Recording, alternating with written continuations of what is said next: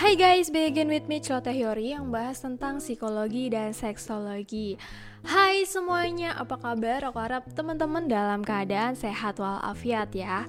Nah, pada episode kali ini aku akan membahas salah satu hal yang sebenarnya udah pernah aku bahas sih di podcast atau di YouTube sebelumnya. Tapi karena ini banyak banget pertanyaan yang muncul Jadi akan aku bahas lagi. Nah, sebelum teman-teman mendengarkan, maka bisa di like, subscribe, dan share atau bisa di follow, follow di SoundCloud aku ya. Nah, pada episode kali ini aku akan membahas tentang kecanduan pornografi. Nah, mungkin soal pornografi itu banyak banget ya dari teman-teman atau di lingkungan sekitar yang mengalami hal tersebut. Tapi ya kita nggak bisa pungkiri bahwa konten-konten pornografi itu memang sekarang sudah tersebar dan pemerintah mau blokir dengan cara apa pun ketika sudah ada keinginan pasti akan ada jalan untuk cari celahnya di mana. Namun uh, memang problem terkait kecanduan pornografi itu banyak banget dialami.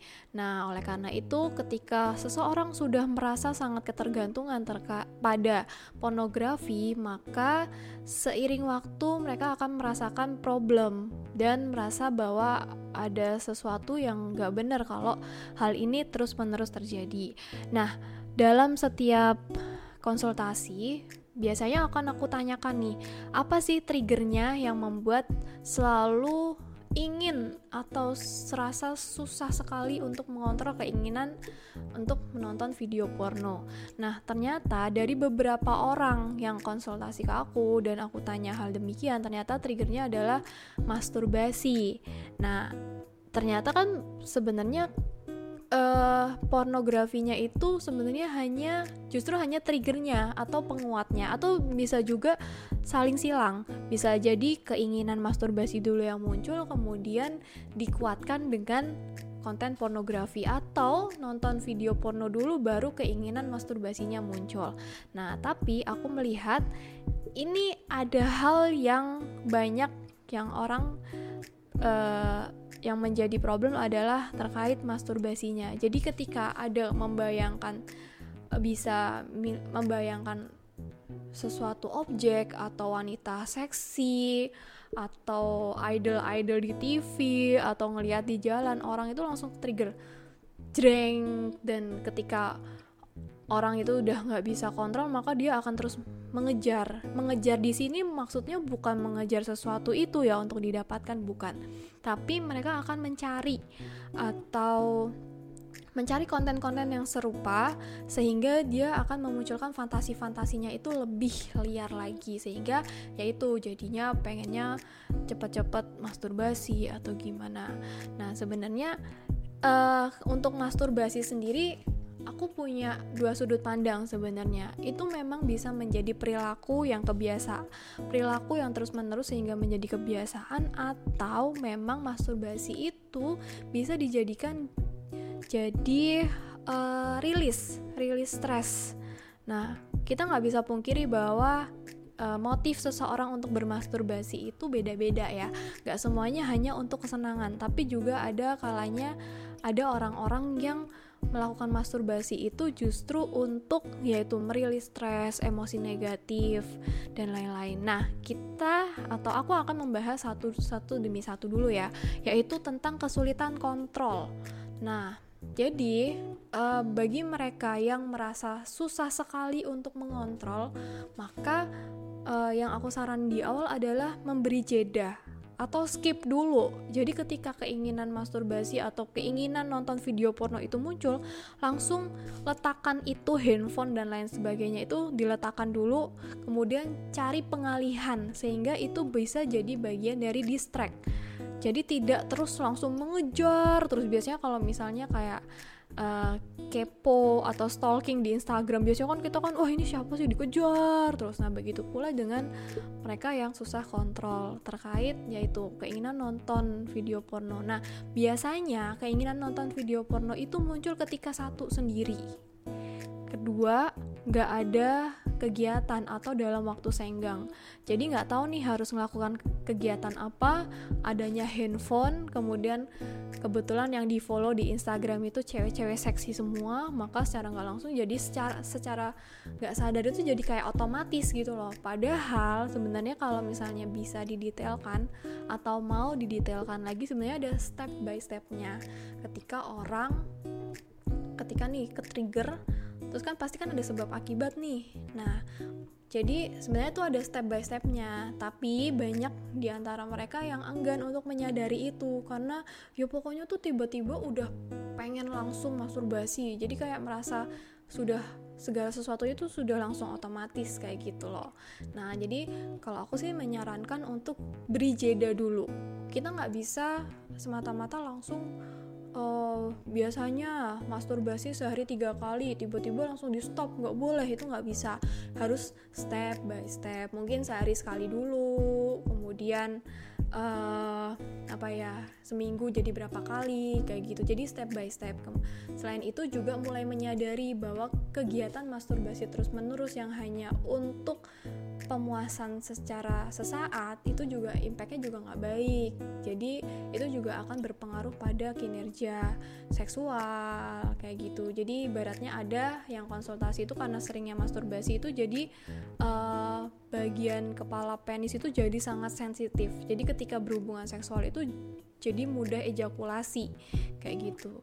Sebenarnya ya itu itu bisa jadi impactnya itu juga. Karena ini menurutku uh, sisi bahwa masturbasi itu hanya dilakukan terus-menerus tanpa ada meaningnya gitu loh. Jadi nggak ada value-nya apa. Nah berbeda lagi ketika hal yang kedua nih guys yaitu untuk rilis stres jadi ada kalanya uh, dalam beberapa penelitian itu masturbasi itu digunakan untuk rilis stres jadi, ketika seseorang mengalami kecemasan atau sesuatu kondisi yang tidak menyenangkan, itu ada orang-orang yang melakukan atau mengalihkannya dengan masturbasi. Karena dengan masturbasi itu mereka akan menjadi sangat rileks. Jadi energi-energi negatifnya itu semacam kayak keluar melalui ejakulasi atau orgasme, orgasme ketika masturbasi. Nah, tapi ini menurutku jarang banget orang melakukan kayak gini karena mereka yang melakukan ini adalah mereka yang sifatnya eksploratif ketika masturbasi.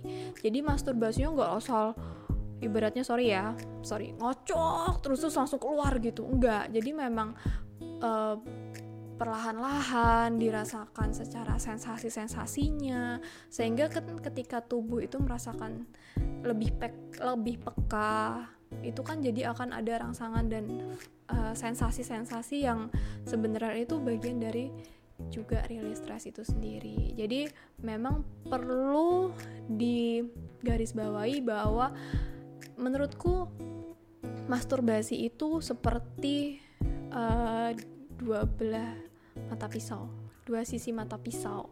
Jadi ada kalanya memang masturbasi itu sangat membantu untuk terapi, untuk meningkatkan uh, aktivitas seksual atau kualitas seksual tapi ada kalanya juga masturbasi yang dilakukan tanpa aturan itu juga bisa menjadikan permasalahan seksual berikutnya gitu loh selanjutnya jadi ya itu jadi buat teman-teman yang masih mengalami problem terkait kesulitan mengontrol gairah seksual uh, sorry bukan gairah seksual ya keinginan untuk masturbasi terus menerus dan ada kaitannya dengan video porno maka yang pertama adalah sadari bahwa hal tersebut bila diterus-teruskan impactnya juga nggak akan baik. Nah, ketika sudah menyadari, maka ada kemauan yang timbul dalam diri untuk belajar mengontrol yaitu mengambil jeda ketika keinginan itu muncul atau menyadari atau uh, memahami step by stepnya tuh apa aja sih. Jadi secara nggak langsung tuh tahu polanya apa.